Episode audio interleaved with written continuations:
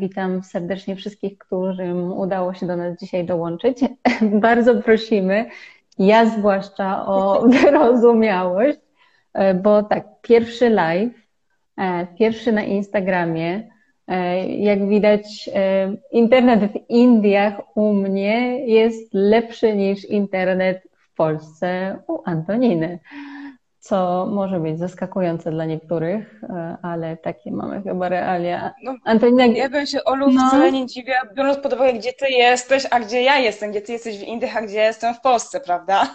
Mhm. A gdzie jesteś? Powiedz naszym słuchaczom, gdzie jesteś w Polsce? E, słuchajcie, e, wszystkich bardzo serdecznie pozdrawiam z samego serca gór izerskich, czyli samego południa Polski. Okej, okay. i powiedz też e, Antonino, bo już zrobiłam mały wstęp na Twój temat na stories, ale może nie wszyscy, którzy będą oglądać, e, to już e, mieli okazję, żeby to zobaczyć, więc gdybyś mogła taki krótki wstęp właśnie o sobie, czyli czym się zajmujesz, jak trafiłaś do Indii pierwszy raz, no i jakie jest Twoje ulubione indyjskie danie? Ojej, zaczęłaś od najtrudniejszego pytania z tym jedzeniem, słuchaj. Więc to może tak. Wiesz, to bardzo ciężko jest wybrać to jedno ulubione, ale zacznijmy od początku. No to tak, Antonina Małowiecka. E, od 2007 roku związana z Indiami, od 2010 roku pilot przewodnik e, po Indiach. E, kultury indyjskiej i indyjskiej kuchni. I pytanie, które zadałaś, to najtrudniejsze. Boże, jedzenie. Wiesz co, ja zawsze mówię, że nie jestem super oryginalna, uwielbiam indyjskie jedzenie uliczne, czyli e, wszelkiego typu samosy, kaczori. E, jest to jak najbardziej to co, to, co ja lubię, ale gdybyś mi teraz zrobiła, wiesz, egg curry, czyli tak zwane andha curry, to bym się wcale nie obraziła. czyli e, słone, ostre. Jak najbardziej. Okay. Słone, ostre, nie za bardzo słodkie. Okay.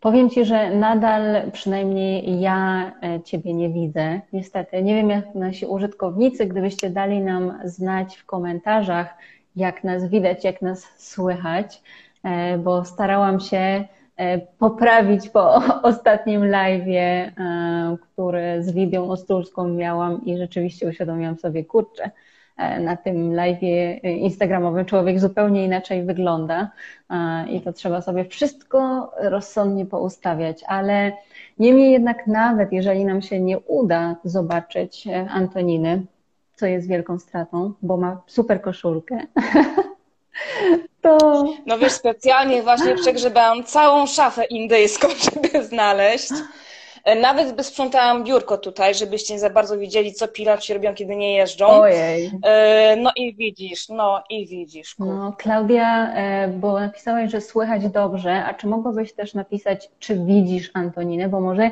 ja jej tylko nie widzę, a ona jednak jest widoczna. Mnie się cały czas kręci to kółeczko. Tak czy inaczej, słuchaj, niezależnie od tego, czy Cię widać, czy nie, słychać Cię idealnie i na tym się skupmy, bo tak naprawdę nam zależy na tym, żeby ta rozmowa mhm. była merytoryczna.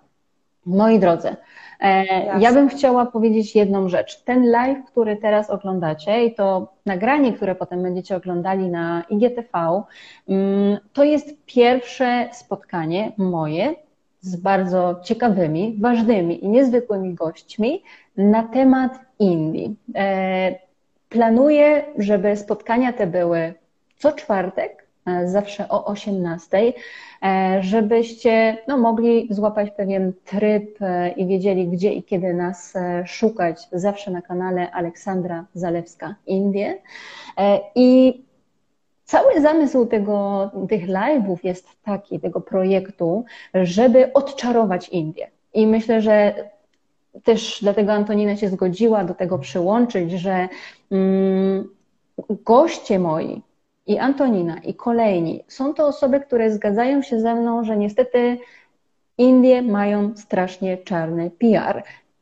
No, czyli jednym słowem, dużo różnych rzeczy widzimy i słyszymy o Indiach, które nie są pochlebne i sprawiają, że wiele osób po prostu nie decyduje się na wizytę w tym kraju, bo no właśnie, jakaś plotka, jakiś program, jakieś dziwne statystyki, czy to nawet ostatnimi czasy związane właśnie z COVID-em.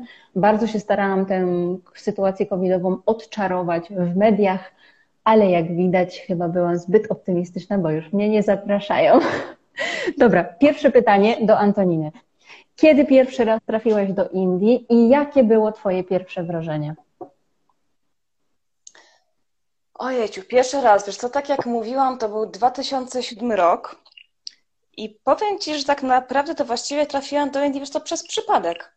E, nigdy wcześniej nie wyobrażałam sobie, że, że, że tam pojadę. Chciałam jechać w ogóle w inne rejony świata, natomiast w ramach takiego projektu badawczego e, studentów Uniwersytetu Adama Mickiewicza w Poznaniu, no, pojechałam na projekt badawczy na całe trzy miesiące. E, no i tak, słuchaj, zostałam, tak? Mamy rok 2021, kurczę, to już ile? 14, 14 lat. I hmm. e, pierwsze wrażenia. No. No właśnie, wiesz co? Zamknij, słuchaj, oczy i, i, i też sobie czujesz ten zapach powietrza, taki typowo indyjski, kiedy wysiadasz z samolotu i jest tak jednocześnie duszno i tak pachnie czymś słodkim, a przez to słodkie się przybija taki zapach kurzu i też jakiś, jakiś, jakaś delikatna sugestia zapachu uryny i to wiesz, i wychodzisz z lotniska i nagle uderza w siebie całe to takie, wiesz, to takie totalne indyjskie, tuk-tuki, wiesz, krzyczący, ludzi, jeżdżące, wszystko, wiesz, także to było takie zderzenie z czymś mi się wydawało nie do ogarnięcia i poza tym Wiesz co, pamiętam, pamiętam, była taka mocno skrępowana w Indiach na początku, mm. wiesz, bo nasłuchałam się przed wyjazdem to, o czym ty wspominałaś, mm -hmm. tak? Jakie te stereotypy indyjskie, tak? Tego no właśnie, wolno, tak, powiedz, wolno, o czym słyszałaś, tak. bo nie oszukujmy no. się, że no tym bardziej ty, skoro nie planowałaś w ogóle pojechać do Indii, a ktoś, kto planuje, no to robi sobie już małe rozpoznanie terenu i nagle się okazuje, że rzeczy, które słyszy, czyta, ogląda są naprawdę przerażające, więc co takiego wiedziałaś o Indiach ty? Wiesz, czy ja się szykowałam, aczkolwiek pod kątem raczej prowadzenia tam badań terenowych z zakresu, wiesz, naukowego, powiedzmy. Mhm. E, może miałam troszkę takie, takie tło, bo sporo moich znajomych jeździło do Indii, ale dużo wcześniej, w latach 90. I no, nasłuchałam się, wiesz, chaos, brud i jak weźmiesz, wiesz, jedzenie do ręki inną ręką niż jedyna słuszna, to ci na rękę tą drugą utną, prawda? E, okay. Natomiast e, e, pamiętam, tak, pamiętam, wiesz, pytanie w ogóle mojej babci, która usłyszała, gdzie ja jadę, to była miała taki, taki strach w oczach i się spytała tylko, ale co ty tam będziesz jeść? Największa troska każdej babci, co ty będziesz jeść? Wiesz, w Indiach, tak? No kurczę, no, no Indie są jednym z krajem absolutnie najlepszych, jeżeli chodzi o, o, o, wiesz, o wybór rzeczy do jedzenia. I wiesz, z tego wynikało, że Indie są krajem w ogóle, wiesz, biednym. Mm -hmm kompletnie sobie nie, nie radząc, w ogóle trzeci świat. Jakiś, Ale wiesz, tak? jaki jest problem moim zdaniem, że jeszcze mm, to pokutuje właśnie ta, ta, taka przeszłość, gdzie twoja babcia e, no, ma, miała prawo tak pomyśleć, ale wiesz, mamy 2021 rok, przepraszam za takie mhm. zająknięcie się, ale już czasami przez ten COVID po prostu mam, wiesz... Ten 20 się dłużej i dłużej, prawda? I wiesz, i okazuje się, że ludzie naprawdę nic nie wiedzą, bo do mnie ostatnio napisał, to tak się wtrącę ci troszkę, mm, taki pan, też związany z turystyką, mieszkający w Chicago. Olusia, co tam u ciebie słychać? Jak tam w tych Indiach? Bo słyszałam, że tam strasznie, a w ogóle to przecież tam jest taka bieda, to co ty tam robisz? A no i pewnie wszyscy tam znają matkę Teresę z Kalkuty. No i ja tak tam, no mhm. okej, okay, no coś tam jeszcze więcej o tych Indiach jest, nie? Wiesz, mi się w ogóle wydaje, że no właśnie, jeżeli to starsze pokolenie rzeczywiście, tak, które powiedzmy miało mniejszą okazję dowiedzieć się różnych rzeczy o świecie, tak? tak. To tak jak moja babcia, tak? No dostęp do wiedzy. Nie wiedziała. I do internetu. Yy, tak, ale mamy, wiesz, XXI wiek i dalej ja spotykam na przykład ludzi, którzy nazywają Indię dokładnie trzecim światem, tak? Że jedyne, co się z Indiami kojarzy, to jest jak bardzo ten kraj sobie nie radzi. Mhm. Z czymkolwiek, To prawda. wiesz. E, e, Tak, pandemia nie radzą sobie, tak? Ochrona środowiska nie radzą sobie. E, Prawa człowieka nie radzą sobie. I, I to jest tak, jakbyśmy, jakbyśmy starali się troszkę poczuć lepiej, porównując się, wiesz, do, do Indii. Mhm. Ja zdecydowanie też mam takie A wrażenie. rzeczywiście tak. Wiesz, nie, nie, nie pokazuje się informacji o tym, co ja też często staram się podkreślić, jak bardzo właśnie Indie jako kraj sobie radzą z tymi wyzwaniami. Mhm. Wiesz, to jest y, kraj olbrzymi, niezwykle zróżnicowany pod każdym możliwym, y, możliwym kątem. I jak wiele wyzwań, wiesz, tam się udaje pokonać, jaki to jest kraj pomysłowy, zaradny, jakie mają rozwiązania i, i tego jakby mi gdzieś tam brakuje w mówieniu o Indiach, tak? Mhm. Żeby ten kraj nie był już takim chłopcem do bicia po prostu. Dokładnie, tym bardziej, że Nieco- na dobrą sprawę, e, gdyby popatrzeć na te statystyki tak realnie, ja to też z punktu widzenia koronawirusa cały czas podkreślałam, że Mhm. 400 tysięcy to jest bardzo dużo, ale 400 tysięcy w stosunku do miliarda 400 milionów Indusów, jeśli teraz porównamy z tym, że na przykład w. Polsce było 20 tysięcy do co, 38 milionów Polaków, do tego tak samo powierzchnia chociażby kraju, bo ostatnio właśnie mm, pisałam o Rajasthanie. Sam Rajasthan, jeden z 28 stanów i 8 terytoriów związkowych, jest Dokładnie. większy niż jedna Polska, więc trzeba sobie najpierw uświadomić w ogóle, z czym my mamy do czynienia. 3,3 miliona kilometrów kwadratowych powierzchni, ponad 400 różnych dialektów, tak różni ludzie, a jednak zjednoczeni pod jedną flagą. Jasne. Myślę, że całkiem nieźle sobie radzą. Dokładnie. Wie- Wiesz, kraj, gdzie tak naprawdę współmieszkają, mówię ludziom, zobaczcie, tutaj są no, jedne z największych religii świata, tak, które są powiedzmy, tak, no hinduizm, islam, no gdzieś tam historycznie mają ze sobą, prawda, na bakier, a jednak, prawda, e, znaczna część tych ludzi żyje obok siebie, tak, e, no wiadomo, mają swoje problemy, Mają. nawet czasami dość duże, ale jednak tak, ale jednak znaczna część moich znajomych, no nie bije się na ulicy, tak? Moi znajomi Indusi nie biją mu- muzułmanów, nie ma tej takiej agresji, powiedzmy. Więc ta niesamowita, wiesz, wielokulturowość e, i no właśnie, i to radzenie sobie z tą różnorodnością, prawda? Z tą odmiennością. No ale to wynika Myślę, to sama, wiesz, coś, co- z historii tak naprawdę, bo nie oszukujmy się, że właśnie to pokojowe nastawienie Hindusów, bo tutaj musimy już powiedzieć, tak? I to też jeszcze raz podkreślamy, Indusi, czyli mieszkańcy Indii, Hindusi, czyli wyznawcy hinduizmu, nie każdy Indus to Hindus, Hindusów Jasne. jest 78%. Więc jeżeli mówimy o Hindusach, to oni są do tego stopnia pokojowo nastawieni, no że niestety historycznie wiadomo, co tutaj się działo. Wszyscy po prostu wpadali, wypadali, gdzieś tam oczywiście oni walczyli na tyle, na ile mogli o swoją niepodległość, no ale Mhm. dali się wykorzystać na tyle, na ile mogli, bo po prostu wszystkim zaufali. Zdecydowanie. Hmm. Ale powiedz, co najbardziej Ci się spodobało w Indiach i dlaczego po tym pierwszym razie, który no, uderzył Cię ten zapach, nie czułaś się komfortowo, dlaczego postanowiłaś wrócić? Wiesz co, bo bo mimo tego, tego, tego pierwszego uderzenia takiego bardzo intensywnego, mi się wydaje, że szybko tam się odnalazłam. Wiesz, przede wszystkim to, że w Indiach, to co pokochałam, Indie to jest kraj nieskończonych możliwości i otwartości na improwizację. Prawda. otwartość ludzi, ciekawość innego, tak? To są takie, ja tam się bardzo, wiesz, to poczułam się taka jakaś kompatybilna z tą kulturą, powiedzmy. Nagle znalazłam się w świecie, gdzie możesz być głośny, tak? Jak się cieszysz, to się głośno śmiejesz. Jak jest ci smutny, jesteś zły, to możesz krzyknąć. I wiesz, e, byłam ten pierwszy wyjazd trzy miesiące. Ten pierwszy miesiąc faktycznie był taki, czułam się tak bardzo niepewnie, nie wiedziałam jak się poruszać, wiesz, do każdego w ogóle sklepikarza podchodziłam, wiesz, z gestem namaste, prawda? Myślałam, że tak trzeba, wiesz, bałam się na początku e, usiąść, e, wiesz, po turecku, żeby mi gdzieś nie było widać tych e, podeszw stóp, nie? Mhm. Żeby kogoś nie obrazić.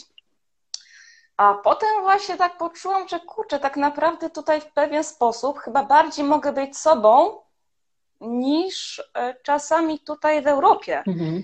I wiesz, jak wróci, wróciliśmy z tego pierwszego wyjazdu po trzech miesiącach, No, tam zdawaliśmy taki raport opiekunom naukowym i, i właśnie jeden z opiekunów naukowych się spytał, tak, jak, jak się czujemy po powrocie. Ja mówię, że wie pan, panie doktorze, stamtąd to już się nie wraca. On powiedział, nawet pani nie wie, jak się cieszę, że pani to powiedziała.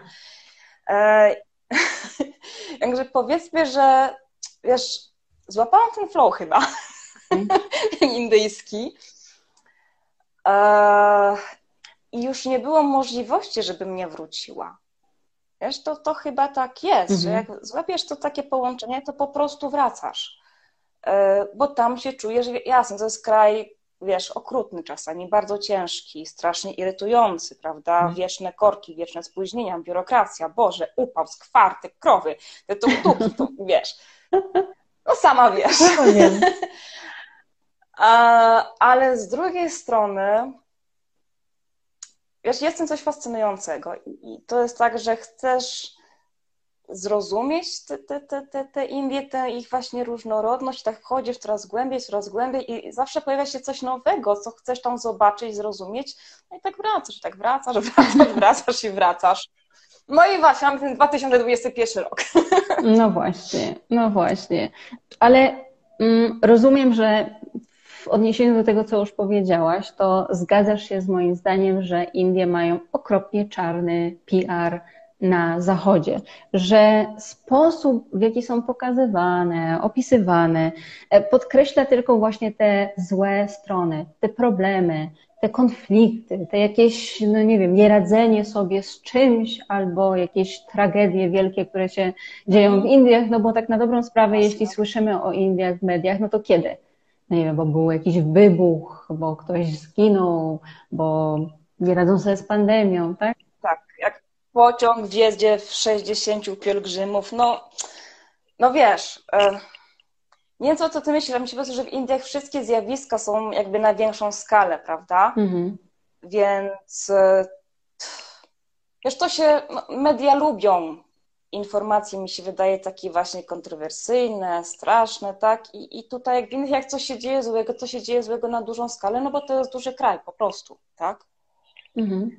E, I ten czarny PR, wiesz, no jest. Znaczy, nie wiem, czy zamierzony, czy niezamierzony, ale no rzadko kiedy faktycznie, rzadko kiedy wiesz, przychodzą tutaj do nas informacje, że coś się w Indiach zadziało pozytywnego. Mhm, to prawda, ale nawet kiedy e, popatrzymy, jest, zobacz, na literaturę, czy jakieś dokumenty. Ja to powiedziałam też w moim wywiadzie właśnie z Lidią, że, mm, bo Lidia gdzieś tam mhm. podchwyciła w trakcie naszej pierwszej rozmowy, jak ja powiedziałam, że, że lubię Martynę Wojciechowską, ale na przykład nie podoba mi się to, że ona się skupia właśnie na tych takich bardzo traumatycznych e, kwestiach, a nie pokazuje tego, jak piękne i niezwykłe, niepowtarzalne są te Indie, żeby zachęcić ludzi do tego, żeby przyjechali, sami doświadczyli, a nie tylko tak, no właśnie, oceniali na zasadzie, a my tutaj tak. w Europie.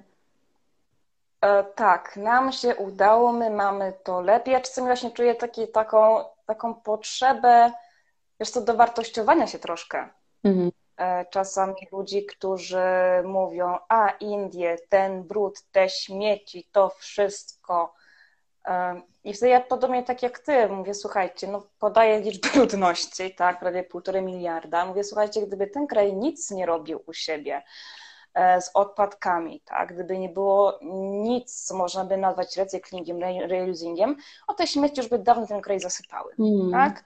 Czyli najwyraźniej coś robi, tak? Potem, wiesz, pokazuje, jakie są systemy, wiesz, co się dzieje z tymi wszystkimi puszkami, odpadkami, jak to jest ponownie, wiesz, używane ileś tam razy, ale yy, tak, ale ludzie lubią, wiesz, pierwsze takie zetknięcie, chyba poczuć się lepiej. Yy, zetknięciu właśnie z, z Indiami. Mhm. Nie wiesz, no to nie wiem, czy to jakieś kompleksy, czy, czy coś, nie wiem, z czego to wynika. Mhm. No to prawda, tym bardziej, że jeśli chodzi o ekologię, to sama wiesz, że ona tutaj w Indiach jest na bardzo wysokim poziomie. Ja to też wielokrotnie pokazuję, że wiesz, mhm. masz talerzyki zrobione albo z jakiegoś liścia, albo z jakichś innych Jasne. ekologicznych przetworów, które no jednocześnie nie są toksyczne do Twojego jedzenia, ale potem się szybko zoptonizują, mhm. że mamy te filtry do wody w domach, więc nalewasz sobie wodę do butelki albo gdzieś tam na mieście sobie bierzesz tą wodę do butelki, nie kupujesz tych butelek PET, e, słomki, sztućce, które są też wielorazowego użytku, jakieś torby. Dobrą sprawę nawet jeszcze tak. przyszło mi też do głowy, nie wiem jakie było Twoje doświadczenie, u mnie w domu nie ma e, i nie kupuję w ogóle czegoś takiego jak e, worki na śmieci. W ogóle nie wiem, jakoś tak jak idę do sklepu w Indiach, to nie rzucają mi się nawet tak. w oczy worki na tak. śmieci, których Oczywiście. u nas jest masa, mhm. bo tutaj no coś kupujesz, to jest w jakimś pojemniku i ten pojemnik wykorzystujesz potem jako pojemnik na śmieci. Tak, właśnie to, to, to wiesz, to wielokrotne, wielokrotne używanie. Y, no wiesz, to, to, to tak polityka ochrony środowiska jest, wiesz, troszkę mi bliska w Indiach, bo no, właśnie. E, no bo prawie napisałam o tym doktorat. No, no dokładnie, ale czemu prawie? Ej. A, bo... Wiesz, bo, bo, w trakcie zaczęłam właśnie wyjeżdżać z grupami jako pilot i gdzieś ten, ten, ten temat rozmawiać. Natomiast wiesz, y, z troszkę innej strony, e, wiesz, ponieważ dużo czasu spędzam na północy, w Ladakh Kaszmir, mhm. E, I z kolei tam pokazuję ludziom, jak niesamowitym wręcz laboratorium Indie się stały, jeżeli chodzi o testowanie możliwości energii odnawialnej. Mhm. Tak? E, tam tego nikt nie traktuje jako ciekawostki, tylko tam widzimy całe szkoły, tak, zasilane fotowoltaiką, ale tam też widzimy, jak rzeczywiście, hmm, jak ludzie poważnie do tego podchodzą tak? Mhm. E, I to ludzie miejscowi, którzy widzą, jak na ich oczach ten klimat ulega zmianom i jak sobie z tym radzą. I oni są świadomi tego, jak bardzo poważne zmiany zachodzą w ich środowisku. Jak zaczyna brakować wody, wiesz, w Himalajach. Mhm. No kurczę, jak budują, wiesz, olbrzymie lodowe stupy, tak? E, e, żeby pokazać światu, że problem z, wiesz, ze znikającymi lodowcami jest jakby jest problemem prawdziwym. Mhm. Jasne. Ale powiedz mi, tak z Twojego doświadczenia przez te lata no i pisania prac na e, tematy indyjskie i zabierania turystów jako pilot wycieczek, uważasz, że jak my możemy walczyć z tym czarnym PR-em? Co możemy zrobić i co Ty robisz, żeby no, odczarować te Indie? Jeszcze nie wiem jak Ty, ja bardzo lubię pokazywać y, turystom, gościom z Polski Indie jako kraj tak naprawdę zwyczajny i funkcjonujący, to o czym cały czas mówimy, tak, że Indie sobie radzą tak naprawdę z wieloma wyznaniami, y, wyzwaniami i wyznaniami. E, wiesz, zabieram ich na przykład do metra w Delhi. E, I wtedy wiesz, nawet takim najbardziej e, pewnym siebie turystą, wiesz, z Warszawy, to, to szczęka generalnie opada. Kiedy ja pokazuję, zobaczcie, wchodzicie na stację metra, tak, w centrum Delhi, mm jeżeli lecicie indyjskimi liniami lotniczymi, na stacji metra możecie zjechać na dół, nadać swój bagaż główny, tak? Pojechać na lotnisko i już jesteście po czekinie, tak? Mhm. Czyli odprawę przechodzicie tak naprawdę w metrze. E, I, I powiem Ci, że właśnie, że takie rzeczy no troszkę pokazują ludziom, że kraj olbrzymi, olbrzymich Że India, ale to nie trzeci świat. Oczywiście, wiesz, y, bardzo często, no tak, pociągi, prawda? Wszyscy się pytają zawsze, też pewnie widziałeś te słynne zdjęcia z pociągami indyjskimi, które, wiesz, są oblepione ludźmi. Oczywiście. Y, I przejazd, tak, pociągiem to jest podobno w ogóle absolutnie traumatyczne przeżycie.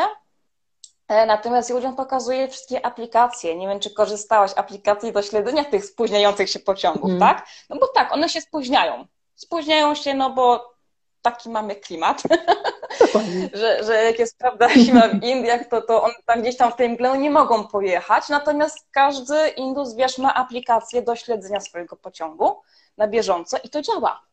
I faktycznie może sprawdzić, gdzie twój pociąg jest, kiedy on przyjedzie. Tam jest niewielką, niewielki margines błędu. Mhm.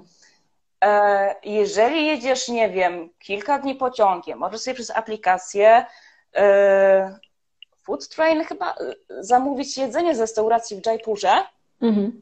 i jak twój pociąg będzie w Jaipurze stał, to, to pan ci to jedzenie przyniesie do restauracji.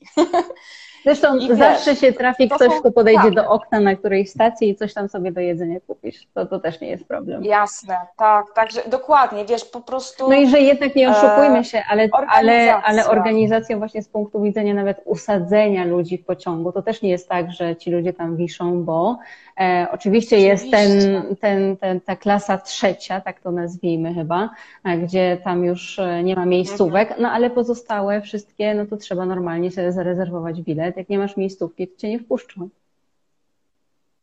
E, tak, oczywiście. Plus wiesz, bardzo często no, pokazuje się właśnie te pociągi mm, takie te zatłoczone, na przykład to są pociągi podmiejskie w Mumbai, prawda? Mhm. Gdzie mało kto pokazuje. Nie wiem, czy teraz już miałaś okazję jechać w tym nie. roku. Przyznam się szczerze, że nie oszukujmy tak. się, że ostatni rok pandemiczny i jazda pociągiem jakoś mi nie do końca idą w parze, stąd też tak.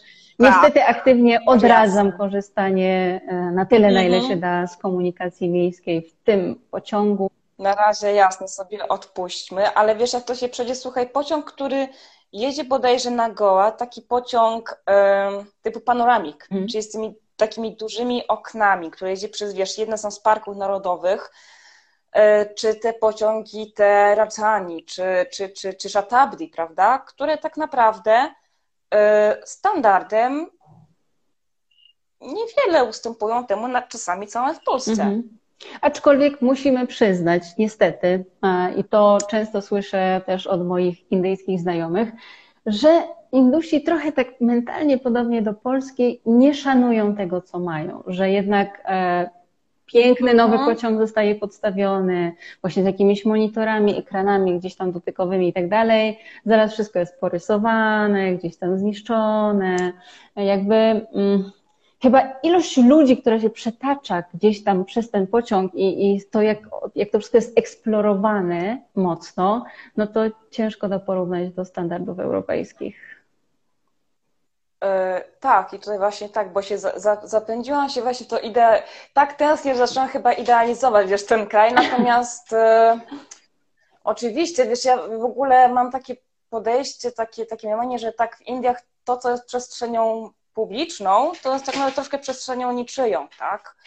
I rzeczywiście y, o to, co wspólne, tak nie bardzo się czasami dba, a wręcz odwrotnie. Tak? Mhm. Mówiliśmy o tym, o tej ochronie środowiska, o tym, o tym recyklingu, reusingu, ale sama pewnie widziała wielokrotnie, jak Indusi rozmawiając właśnie o potrzebie ochrony środowiska w Indiach, jednocześnie przez okno w pociągu wyrzucają, wiesz, paczkę papierków, tak? Dokładnie. Także no, takie rzeczy jak najbardziej też się, też się przecież zdarzają. Dokładnie. Jeśli chodzi o tak, wyrzucanie śmieci, tak nazwijmy to pod siebie, tam gdzie się stoi, to tam się coś wyrzuca, to niestety to jest, to jest plaga. Myślę, że gdyby mm, gdzieś tu nauczyć ich tego, że no oczywiście, mm, ja nawet ostatnio widziałam z balkonu, ale nie, nie nakręciłam. Chodzą służby, które sprzątają, ale no właśnie, ile mhm. razy, ile czasu oni mogą sprzątać, żeby nadrobić nad tym, że no nie wiem, ktoś cały czas idzie, coś je, gdzieś tam wyrzuci, bo akurat tam stał albo tamtędy przechodził i po prostu te śmieci się siłą rzeczy e, będą zbierać. Jasne, tu jednak ta presja demograficzna robi e, olbrzymią i to nie, niezbyt dobrą robotę, prawda? Mm. Jeżeli tego ludzi jest ponad prawie półtorej miliarda, to niech jeden na sto rzuci ten papierek przychodząc, prawda? Już mamy, już mamy wtedy problem, zwłaszcza jeżeli to, co wyrzucamy, to już się nie rozkłada, prawda? Mm -hmm. Tak jak jeszcze jeśli od 60., wiesz, wszystkie kubeczki gliniane, czy właśnie te leżyki z, z, z liści, nagle przed plastik, prawda? Mm -hmm. Odruch wyrzucania, zawsze tłumaczę ludziom, pozostał, Natomiast no, to, co wyrzucali, niestety już się nie rozkładało i być może gdzieś tam z tego jest problem. Jeżeli chodzi o rozwiązanie, e, wiesz, ja byłam kiedyś strasznie zaskoczona, jak pojechałam do Ladaku, a tak był, to był, Boże, już 2010 rok, zaczął wprowadzać ustawodawstwo dotyczące właśnie ograniczenia plastiku, używania plastiku, -hmm. teraz będą moje psy hałasowały, używania plastiku w sferze publicznej. Piegus, I wprowadzili taką zasadę, takie prawo, że panie e, dane kijki chodziły na targ, jeżeli przełapały kogoś, kto sprzedaje i kupuje w plastiku, to obydwie strony transakcji były karane mandatem. Mhm. No ale prawda jest taka, że wiesz, dzisiaj kiedy pójdziesz do sklepu e, i nawet w najdroższym jakimś sklepie kupisz, no nie wiem, drogą torebkę, jakąś Chanel albo coś innego, to w Indiach dostajesz to w torbach takich papierowych z recyklingu, takich no po prostu takiego tak. o charakterystycznym zapachu papieru, nie ma co się oszukiwać. Ale tak, tak, nie tak. idealizując, bo nie oszukujmy się, że w każdym kraju, w każdym narodzie można znaleźć coś, to podkreślmy tutaj i wróćmy do tego, co uważasz, że jest takiego wyjątkowego w Indiach? Za co ty je tak bardzo e, lubisz? Wiesz co, cały czas właśnie za, to, za tę otwartość na, e, na radzenie sobie z problemami w sposób niestandardowy, ale też, wiesz co, za, za ciekawość innych ludzi. Pewnie sama wiele razy zauważyłaś, jak bardzo Indusi pozytywnie reagują na, na ludzi teoretycznie bardzo obcych, prawda? Bardzo odmiennych. E, jak fantastycznie tam właśnie są ciekawi nas, e, jak chcą, prawda, z nami rozmawiać. Wiesz co, kocham całą taką ich energię, którą, którą można poczuć gdzieś tam chodząc na bazary, e, ale też za to, że znajdując się tam, tak trochę musisz wyjść z takiej swojej strefy komfortu, prawda? Mhm. Musisz pogodzić się z tym właśnie, z tym hałasem, z tymi zapachami, z tym, z tym że dzieci zaglądała cały czas, wiesz, przez, przez ramię, tutaj czytają twoje notatki, prawie po prostu wchodzą ci na głowę. Tak, że po prostu się z tym musisz pogodzić mhm. i, i jeśli zaczniesz z tym płynąć, to zaczniesz się tymi Indiami tak naprawdę cieszyć. Mhm. Ale czy, czy zgadzasz się w takim tak. razie z tym, że i, no bo wiele osób, kiedy pisze o Indiach, mówi o Indiach, mówi o tym, że Indie można albo kochać, albo nienawidzić. Tak jakby, wiesz, nie było niczego pomiędzy. Dla mnie to jest trochę bardzo duża hmm. opozycja, bo przyznam szczerze, że ja uważam, że mhm. Indie po prostu można polubić, zaakceptować je takie, jakimi są, po prostu polubić. Nie trzeba ich naprawdę kochać i nie trzeba mieć poczucia, że o Boże, teraz każdy, nie wiem, wyjazd mój wakacyjny musi być do Indii, ale no, warto przyjechać tu jeden, drugi czy trzeci raz, żeby zobaczyć coś ciekawego, a tych ciekawych rzeczy jest masa. Wiesz co, dokładnie. Yy, powiem Ci szczerze, że ja, ja w zasadzie, mimo że dzisiaj brzmi może tak, wiesz, bardzo, bardzo głodna India, po prostu ja tęsknię. Natomiast nie jestem, yy, nie jestem taką absolutną fanatyczką Indii i, i, i wręcz twierdzę, że jest wiele krajów na świecie, gdzie żyje się lepiej, wygodniej, państwo jest bardziej przyjazne obywatelowi. Yy, Natomiast bez wątpienia Indie warto zobaczyć raz czy dwa właśnie po to, żeby hmm, żeby wyjść ze swojej strefy komfortu. Pytałeś o to, czy, czy, czy, czy, czy to jest tak, że Indie się kocha albo nienawidzi. E, mi się właśnie wydaje, że to można być z nimi mniej lub bardziej kompatybilnym, tak? Mhm.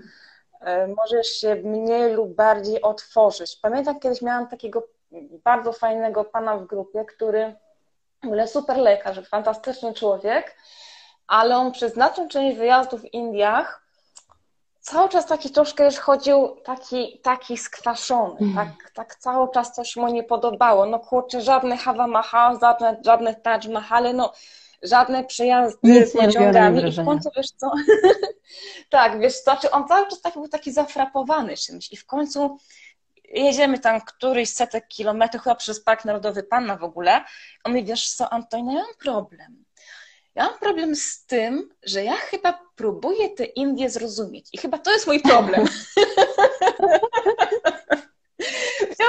właśnie wspaniała jakaś autorefleksja, bo to tak, to, to nie ma co się właśnie przymuszać, tak, żeby te Indie ogarnąć, bo one tak trochę, tak trochę nie są do ogarnięcia, mm. mi się mhm. wydaje. To prawda. Jeszcze w zależności pewnie, gdzie się jest e, i co się widzi, mhm. ale no właśnie, tutaj od razu wchodzimy też w tą kwestię.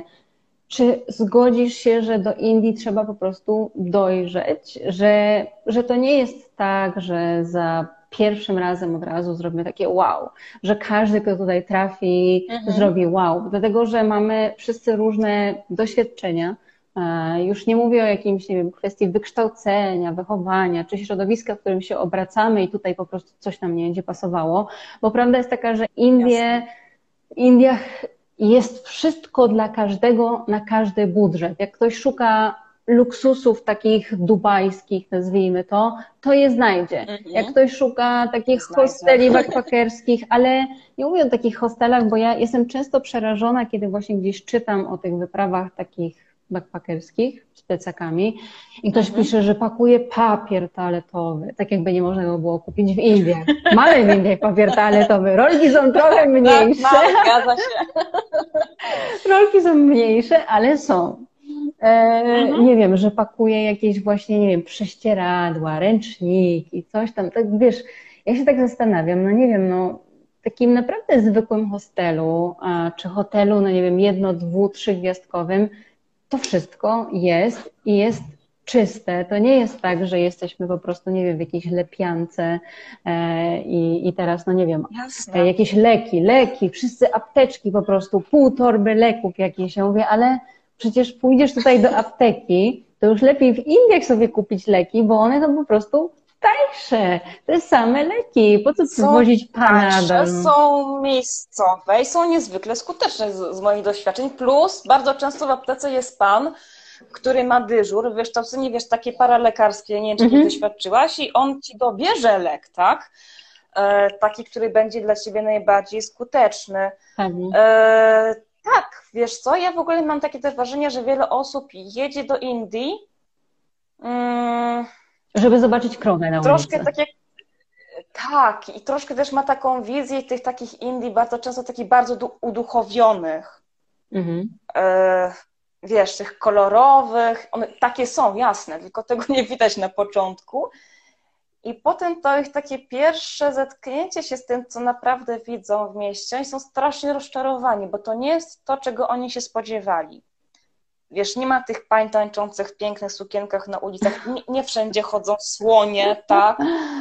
E, I tego na początku to się znajdzie. To jest. Ta duchowość w Indiach jest, tylko trzeba troszkę dać sobie czas, żeby się oswoić, żeby to, żeby to zauważyć. Tak? Mhm.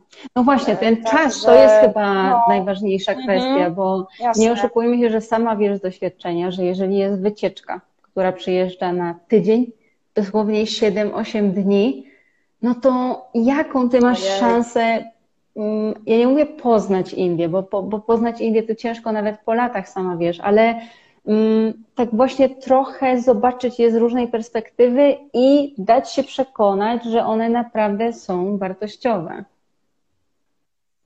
Wiesz, no, tutaj akurat, wiesz co, nie wiem, bo, bo, bo, bo mam to szczęście, że, że te wyjazdy, które prowadzę jako pilot, no one są zdecydowanie dłuższe, mhm. tak? Czyli z reguły, no właśnie mamy ten czas, żeby, żeby troszkę wsiąknąć, bo to tak, wiesz, co, co najmniej 20 do 25 dni, mhm. E, ale i tak się często przemieszczać, więc e, no zawsze tego czasu mimo wszystko dziś brakuje. Jasne. E, tak, w tak krótkim czasie, jak, jak, jak wiesz, tydzień. No to widzisz złoty to trójkąt to... i widzisz go tak na szybko i nie masz czasu na to, żeby tak pochłonąć trochę ten, ten klimat i żeby no właśnie no, tej tak, duchowości chociażby doświadczyć. Tak, ale czy poczujesz, tak, czy, czy wiesz, nie ma czasu w ogóle nawet porozmawiać z ludźmi, co jest w Indiach jedną z bardziej fantastycznych rzeczy. Jeśli, wiesz, jak pewnie sobie jeździłaś wiele razy pociągiem, gdzie, wiesz, nagle jakiś pan cię zaczepia z rodziną i, i wiesz, od wspólnego zdjęcia, a potem kończysz na jakiejś rozmowie, nie wiem, o, o, o nie wiem, o podstawach matematyki, tak, o jakichś tam zasadach marketingu. Ale tutaj też ten angielski, Właśnie, dzięki temu, tak. że on jest w Indiach, to wiesz, tutaj, nie wiem, nawet gdzieś idziesz sobie jakieś dzieci, bo tutaj dzieci się komunikują najczęściej po angielsku, bo tak jest im najłatwiej, jak pochodzą z różnych części Indii. Mhm. I dziecko do ciebie podchodzi na ulicy i od razu już, dzień dobry, a ty skąd to jesteś w ogóle? No bo jak już widzą blond włosy, to już w ogóle jakieś, aaa,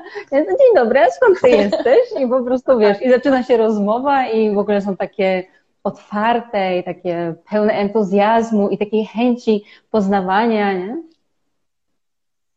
E, wiesz co, tak, i to też właśnie tak w odniesieniu do, do ludzi, którzy boją się do Indii wyjechać, bo, bo jak oni się tam dogadają. Hmm. a zawsze mówię, że, że to właśnie, ten, to, to, to wiesz, nie, nie, trzeba być biegłym w hindi czy w pendżabi, żeby tutaj się porozumieć, bo naprawdę podstawy angielskiego e, to tutaj w zupełności wystarczą, bo przecież no kurczę, w każdej wiosce jest co najmniej jeden nauczyciel, który będzie chociaż podstawowy angielski mówił. Co prawda? nie zmienia faktu, że angielski indyjski też jest dość specyficzny. O, jest wspaniały. Powiem Ci, ojejciu, ja, ja, jak strasznie tęsknię. A jeszcze, wiesz, teraz tak mi przypomniałaś, jak bardzo różnie brzmi e, angielski, indyjski, północny i południowy, mm. prawda? O ile ten, ten północny jeszcze na przykład, wiesz, można zrozumieć, to ja, ja sama powiem Ci szczerze, że wiele razy miałam tak, że słuchałam kogoś właśnie na przykład z Kerali, który do, ktoś do mnie mówił po angielsku, a ja stałam, wiesz, jak taka taka krówka właśnie. O, I tak stoisz i, i pytasz potem kogoś, czy mógłby tak. ci wytłumaczyć w zasadzie, co ten ktoś właśnie do ciebie powiedział. Tak, tak, zdecydowanie. Tak, ja czuję się głupia, no bo no bo tak, no, no, no, no niestety. No powiem Ci, że ja się na szczęście zaprawiłam, dlatego że miałam przygodę, kiedy pracowałam mhm. E, w Citibanku e, na operacjach międzynarodowych, a operacje międzynarodowe też między innymi w dużej części biuro jest w Indiach, więc najpierw nauczyłam się ich słuchać, wiesz, e, bo jeszcze jak widzisz człowieka i jest mowa ciała, to jakoś tak zawsze ci jest łatwiej, bo możesz się na migi dogadać, nawet jak nie znasz dobrze języka, ale przez telefon Jasne to jest naprawdę zupełnie inny poziom. Jak już to ogarniesz, to potem już na miejscu jest znacznie lepiej. Dokładnie, wiesz, e, ja zawsze mówię po prostu, żeby, żeby tutaj na spokojnie dać sobie czas. Jak mówisz, no większość turystów jednak jest to face to face spotkanie, więc zawsze można pokazać, że ja chcę to, że, że, że tutaj to cieknie ta woda z tego kranu, a w ogóle to chcę zapłacić pięć paluszków, a nie, a nie, a nie dziesięć za tę rzecz. E, podobnie jak ty też pracowałam w środowisku właśnie e, indyjskojęzycznym, e, ale teraz po latach, to może jeden z niewielu plusów tego, tego pandemicznego okresu, powiem Ci, że stwierdziłam, że jednak hindi mi się w życiu przyda. Mhm.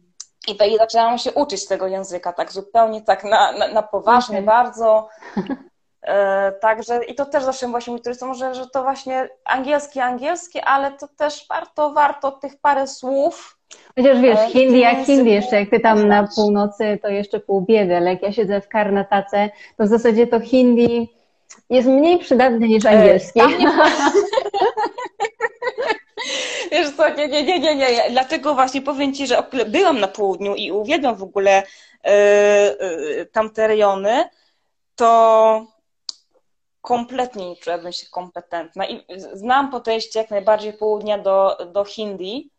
E, tak, no, no nie, nie, no tam się w życiu się oczywiście w tym języku nie dogadasz. Czy, ja też raczej, nie, raczej wydaje mi się, że hindi będzie moją granicą, wiesz, jeżeli okay. chodzi o języki indyjskie. Okej, okay, okej. Okay. Dobra, to teraz powiedz mi, takie miejsca, do których uważasz, że warto byłoby się e, wybrać? Znaczy, okej, nie skupiamy się, chyba że chcesz, na tym złotym trójkącie mm. indyjskim, ale takie twoje ulubione miejsca, takie perełki, takie jakieś punkty spoza trasy, takie miejsca, gdzie nie są na tych najpopularniejszych szlakach, no bo nie oszukujmy się, że te duże komercyjne biura podróży, no wiesz, one mają ograniczenia i przede wszystkim czasowe, mhm. i do tego budżetowe, e, a przecież jest tyle miejsc, a jak ty tam po tej dalekiej północy śmigasz, no to nie oszukujmy się, że Kaszmir, e, Ladakh, Jammu, e, to są miejsca Himalaya Pradesh, tak? Gdzie no, można zrobić wow.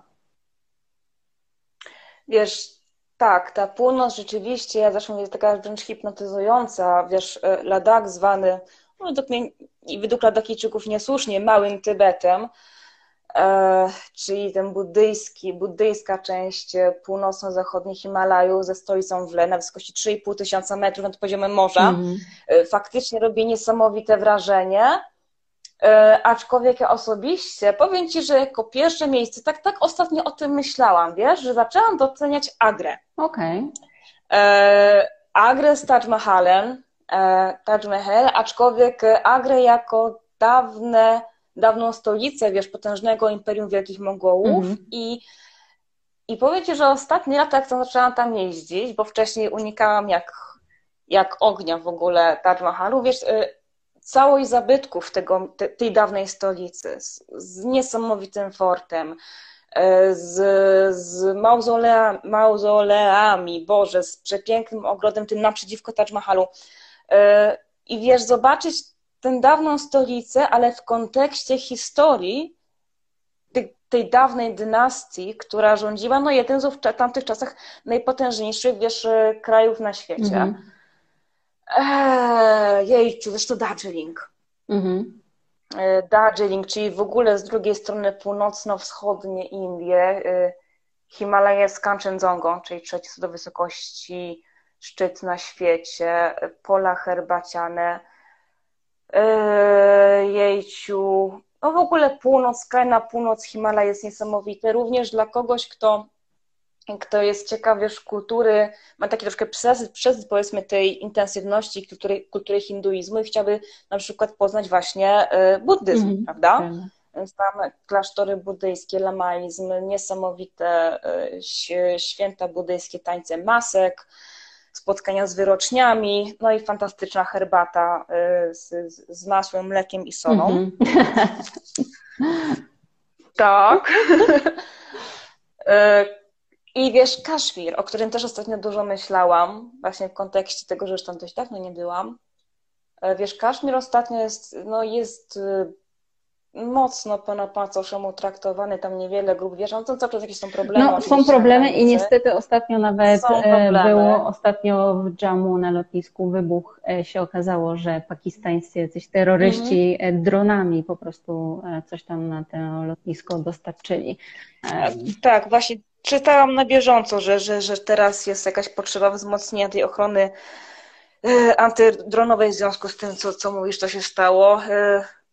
No trzeba zawsze, wiadomo, prawda, tak. patrzeć. Ale to trzeba też mieć świadomość nie tak. tyle, że to jest problem może indyjski, tylko problem stricte kaszmirski, tak? Bo to tutaj nie mamy na to czasu, ale myślę, Dokładnie. że warto odesłać naszych mhm. słuchaczy, tudzież obserwatorów, żeby zobaczyli sobie właśnie, czy poczytali w ogóle, jaki jest problem e, Kaszmiru e, i wtedy będą lepiej rozumieli, skąd w ogóle ten terroryzm w tym regionie.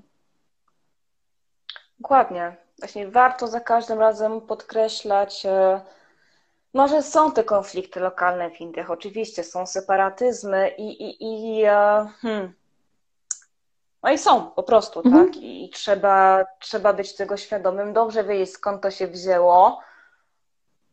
Natomiast no, to ja zawsze będę zachęcała, jak tylko jest, wiesz, spokojnie, bezpiecznie, jak naprawdę do, do odwiedzenia Srinagaru, stolicy Kaszmiru, który jest absolutnie niesamowity. Mhm. Jezioro z hotelami na łódkach na, na, jeziorze, tak, ale również fantastyczne, wiesz, starym miastem, pełnym takich, wiesz, bazarów zupełnie innych niż, niż w Delhi chociażby, prawda, bo to Jasne. inny krąg kulturowy. Kuchnia inna. No i zawsze Himalaje. Mm. No, z punktu widzenia Himalajów, ja zawsze y, jestem zwolenniczką też Himachal Pradesh, chociaż teraz po prostu z jakiegoś powodu jest mhm. zawalone y, turystami indyjskimi, jakieś tam korki się w ogóle tworzą.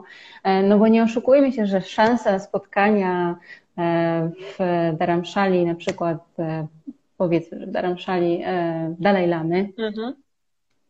no ile razy masz taką hmm. szansę? E, no, rzeczywiście niewielką. Nawet będąc danszami tak naprawdę, to też nie jest coś, wiesz, na co, co jest zagwarantowane, bo, bo jego świątobliwość dość często przybywa poza, e, poza e, tą miejscowością, która jest siedzibą rządu tybetańskiego na uchodźstwie. Natomiast powiem Ci, że mi się udało, byłam na audiencji, co mm. prawda takiej, wiesz, publicznej, nie prywatnej. Ale, ale. I to w ogóle tak, i w ogóle, słuchajcie, widziałam e, rzecz niesamowitą, jak z okazji, nawet nie czy nie były urodziny jego, jego świątobliwości, e, rozdawał pieniądze uchodźcom, którzy, wiesz, przy, przybyli na tę audiencję. No, ja niestety nie dostałam pieniążków, ale, ale, ale samego Dalai Lama 14 jak, najpra- jak najbardziej miałam okazję mm. zobaczyć. Wiesz, Himachal też w ogóle jest fantastycznie, tylko Dharamshala, też te rejony przygraniczne, y, Spity, Kinor, Lahul, tam myślę, że wciąż tak naprawdę jest chyba stosunkowo niewielu turystów w porównaniu z tym na przykład, co jest już w Ladaku, mm. prawda? Który stał się niezwykle popularny. dzięki niektórym filmom bollywoodzkim. Pewnie, pewnie. No i też nie oszukujmy się, że Indusi, chociażby ci z południa, a nawet ci gdzieś tam z tego bliż, tej bliższej północy, czyli Delhi, uwielbiają tam jeździć, żeby po prostu się sfotografować ze śniegiem. A, oczywiście, tak.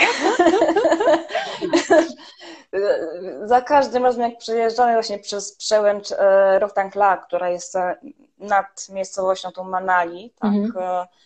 E, gdzie jest śnieg, to zawsze robią turyści wielki wow, ale to jest faktycznie fascynujące, wiesz, jak ktoś no wiesz, Indusi nie mają okazji zobaczyć śniegu, tak? I, I, jeżeli wiesz, nagle gdzieś na wysokości tych kilku tysięcy metrów jest, no to można zobaczyć faktycznie, pewnie sama widziałaś wielokrotnie, niesamowite sceny, prawda? Mm. Jakieś takie zjeżdżanie na oponach w ogóle po śniegu, praktycznie pod koła jadącego autobusu, ale to nie jest. Oj, oj. E, ale tak, e, czy zjeżdżanie na sankach gdzieś, wiesz, e, no to jest niesamowite. -hmm. Także wiesz, to właśnie trochę się nie ma co dziwić, tam tyle z turystów, tak, skoro no na przykład akurat się e, pokazał śnieg kiedyś, mi mówili znajomi Indusi, że jak tylko właśnie w Shimli albo w Manali powyżej spada śnieg, to od razu jest informacja, wiesz, first news gdzieś tam w Delhi, -hmm. tak, w telewizji, że jest śnieg, jest śnieg, słuchajcie, można przyjechać i zobaczyć. No, ale myślę, że nawet tak. większe wrażenie niż ten śnieg e, w tych okolicach, gdzieś tam powiedzmy też tutaj się skieruje do Sikkim, robią te doliny kwiatowe, czyli od marca do czerwca, kiedy to wszystko po prostu kwitnie i nagle masz z tyłu widok po prostu Himalajów obśnieżonych, a tutaj taką łąkę całą kwiecistą. No to są rzeczy, których no Lubię Polskę, ale w Polsce nie zobaczysz. Eee, tak, no na pewno nie na taką Nie skalę. na taką skalę. No oczywiście mamy Tatry, okej. Okay. Wiesz, to jest tak, ale to jest jakby, wiesz, cztery razy większe jednak, prawda? Trochę. E, rzeczywiście, te, te, te himalajskie doliny, czy to właśnie Garwalów. Halo, halo. W, w, mhm. Boże, w e, Arunachal w Andhra Pradesh, nie, mhm. Boże, e, w Uttar Pradesh, no są niesamowite i, i, i jak wiesz, wielokrotnie jeździłam z grupami przez Ladakh, no to są właściwie czyste Himalaje i jeszcze dla mnie jest to o tyle fascynujące, że takie bardzo podobny do płaskowyżu tybetańskiego, tam właśnie nie ma za dużo roślin, mhm. to ludzie mówią, że tak naprawdę sobie przez tydzień jedziesz przez góry. No nie jest tak, że te góry gdzieś tam oglądasz z oddali, tak? Tylko po prostu jesteś w tych górach po prostu zatopiony w pewien sposób przez, no, przez całe 7 dni. I wcale ci się nie nudzi. A mi narobiłaś smaka.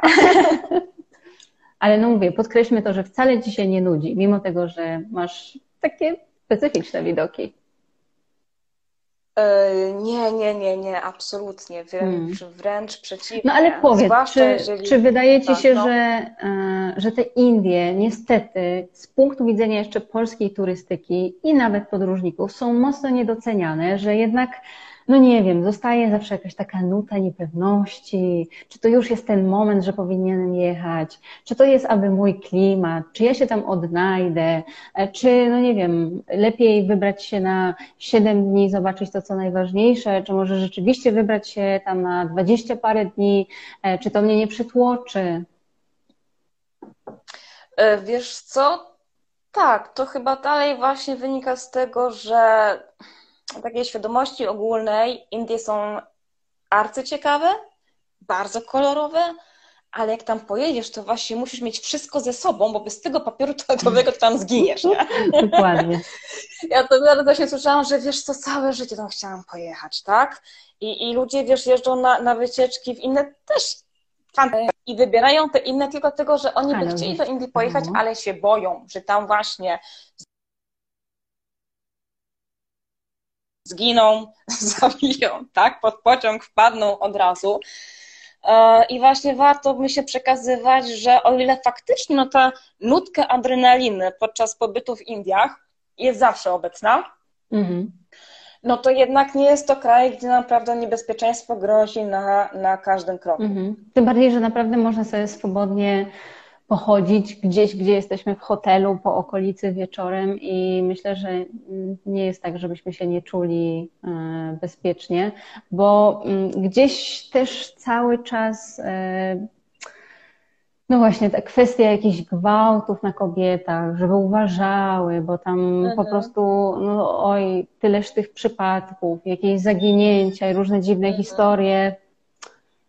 Mm, to tak nie wygląda. No, sama się chyba zgodzisz po, po ilości razów, które tu byłaś, że to tak nie wygląda, że ty jako kobieta, biała kobieta podkreślmy, blondynka podkreślmy, bo może nie każdy widzi, mhm. e, czy czujesz się tutaj bezpiecznie? Wiesz co, powiem Ci szczerze, to jest faktycznie no, ten temat bezpieczeństwa kobiet, ja wałkuję za każdym razem, podkreślając, że e, no wiesz, problem jest w Indiach, prawda? Jasne. Oczywiście te, e, te gwałty jak najbardziej mają miejsce, przemoc wobec kobiet jest. Natomiast znaczna część moich znajomych Hindusów, no absolutnie, wiesz, nie, nie popiera tego, co się dzieje. Wręcz przeciwnie, bardzo aktywnie uczestniczą we wszelkiego typu protestach. Ja jako kobieta, e, wiesz co, czuję się z reguły dość bezpiecznie. E, miałam kilka może takich wręcz dziwnych, jakichś takich faktycznie sytuacji. Natomiast e, powiem Ci, że kiedyś miałam takie zdarzenie. Byłam e, w Amritsarze w Złotej Świątyni. Z tej głównej świątyni Sikhów, wiesz, wieczorem mamy przenieść. Halo, halo. Antonina, gdzieś cię zerwało?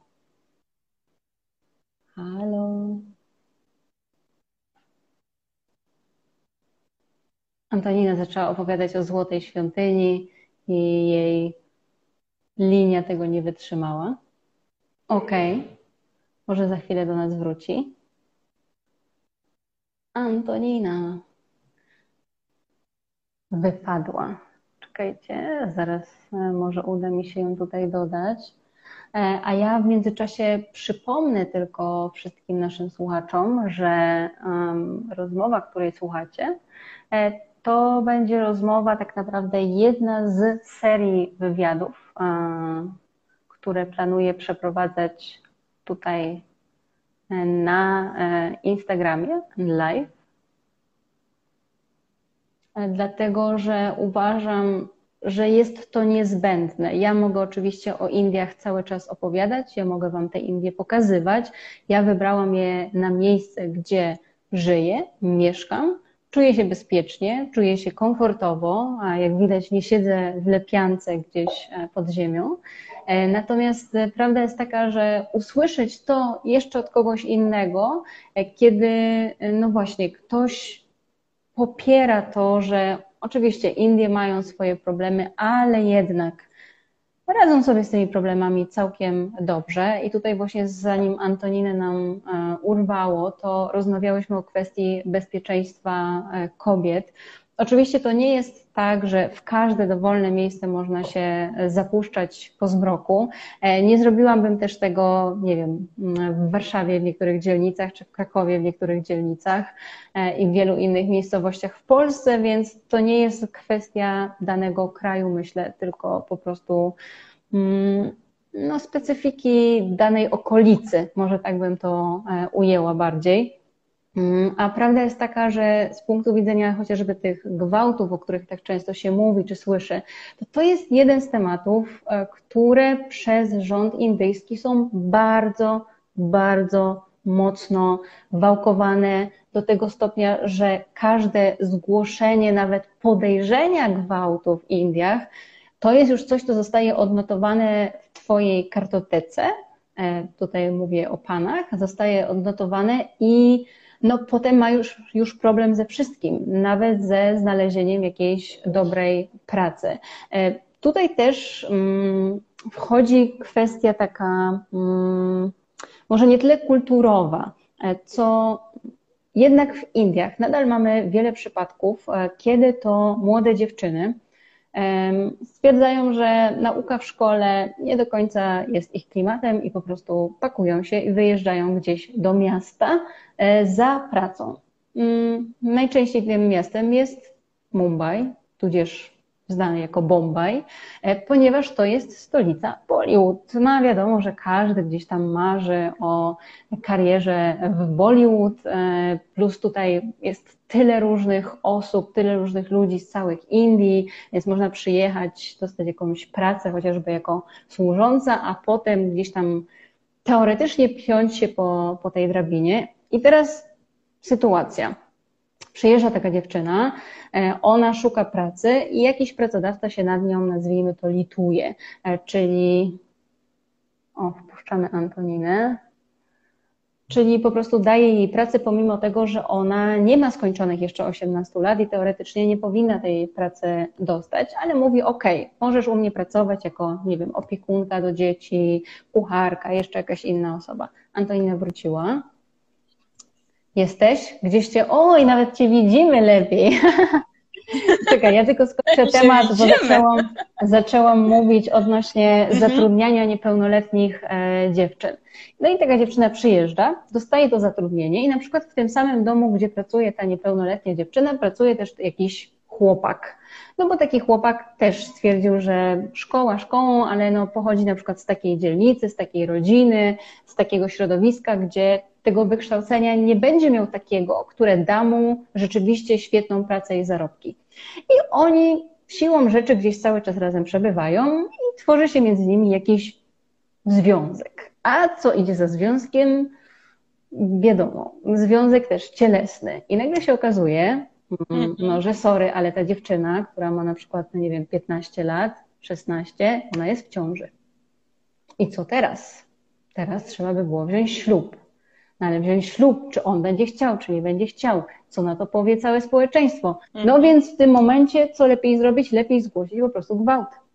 Bo jeżeli on powie, okej, okay, dobra, weźmy ślub, będziemy teraz już żyć jako mąż i żona, to gdzieś tam się to zamiata pod dywan. Ale jeżeli ten chłopak powie, nie, nie, nie, bo to jakiś był przypadek, a ja w ogóle to, to mhm. tam się trzymam z dala od tego tematu, no to wtedy jest to po prostu zgłaszane jako gwałt, żeby ta dziewczyna miała jeszcze szansę w ogóle na normalne życie, bo nie oszukujmy się, że jak niepełnoletnia zostaje matką przed ślubem w Indiach, no.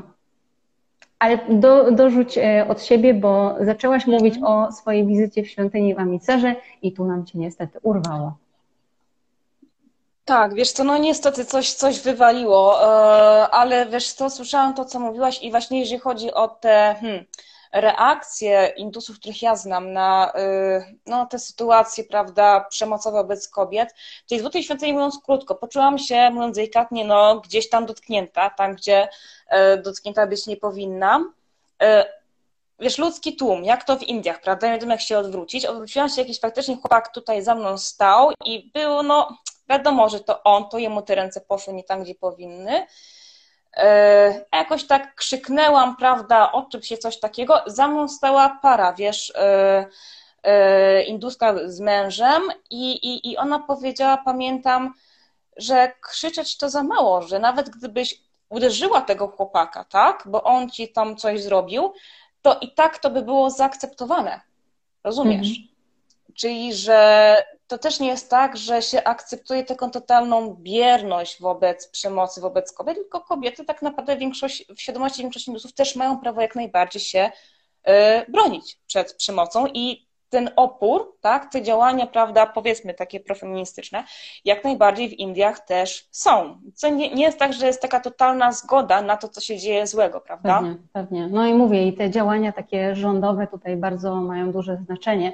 Ja też ostatnio pisałam artykuł e, na blog właśnie mój odnośnie ślubów indyjskich.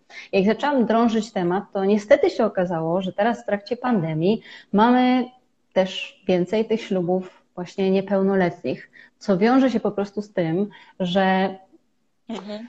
no niestety sytuacja ekonomiczna jest taka, jaka jest y, i rodzina gdzieś tam cały czas y, ma z tyłu głowy, że musi mieć to wiano dla tej panny młodej, bo w Indiach, przypominajmy, e, to panna młoda jest odpowiedzialna za no, myślę, że 90% kosztów, można tak spokojnie powiedzieć. Mhm. E, I w tym momencie, jeżeli mhm. znajdzie się dla takiej nawet 13-latki mąż, który po prostu się nią zaopiekuje.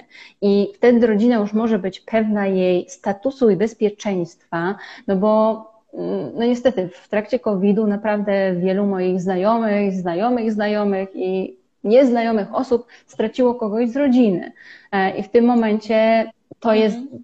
Dla budżetu domowego tak ogromny cios, e, że nawet jeżeli te władze rządowe gdzieś w pewnym momencie się decydują na to, żeby mm, interweniować, bo są mhm. specjalne służby, sama o tym wiesz, które pilnują przestrzegania tego mhm. prawa, dlatego że zgodnie z prawem tak. indyjskim nie jest dopuszczone, żeby e, niepełnoletnia osoba po prostu e, przystąpiła do związku małżeńskiego.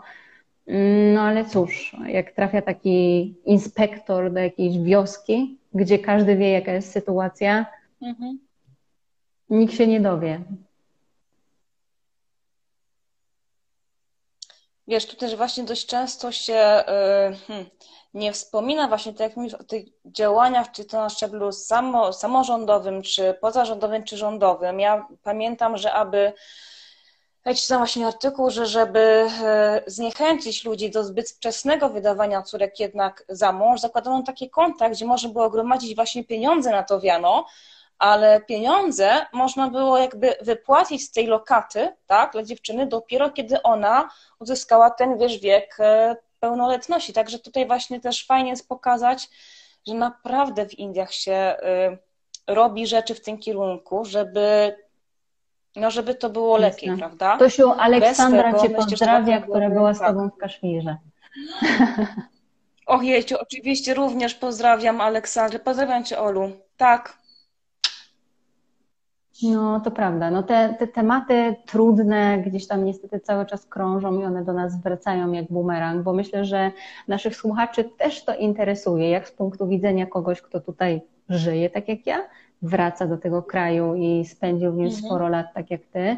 E, jak to realnie wygląda? No bo niestety to, co usłyszymy w mediach tych mainstreamowych e, i gdzieś tam to, co się pojawia, mm, no tutaj zaraz Cię też zapytam o Twoje rekomendacje, jakieś książkowe, filmowe, e, no ale no nie oszukujmy się, że jeżeli w pierwszej kolejności trafimy na książkę pod tytułem Lalki w ogniu, no to mamy już pewien koncept niestety Indii. Um, podobnie jest, myślę, z Shantaramem, jeśli się ze mną tak. zgodzisz. Na pewno książki mhm. warte przeczytania, zdecydowanie warte przeczytania. E, ale no właśnie, dla kogoś, kto albo już był w Indiach, albo trochę lepiej zna ten temat, żeby się po prostu nie uprzedzić.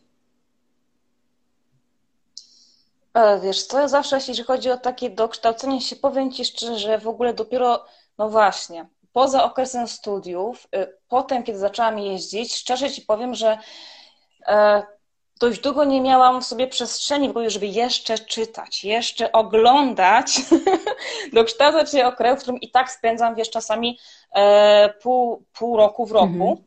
I teraz zaczęłam natawiać zaległości. E, ja zawsze mówię, że warto jest poznać perspektywę samych Hindusów, czyli być może nie zaczynać od tych właśnie lektur, książek, no, z naszego kręgu kulturowego. Jasne.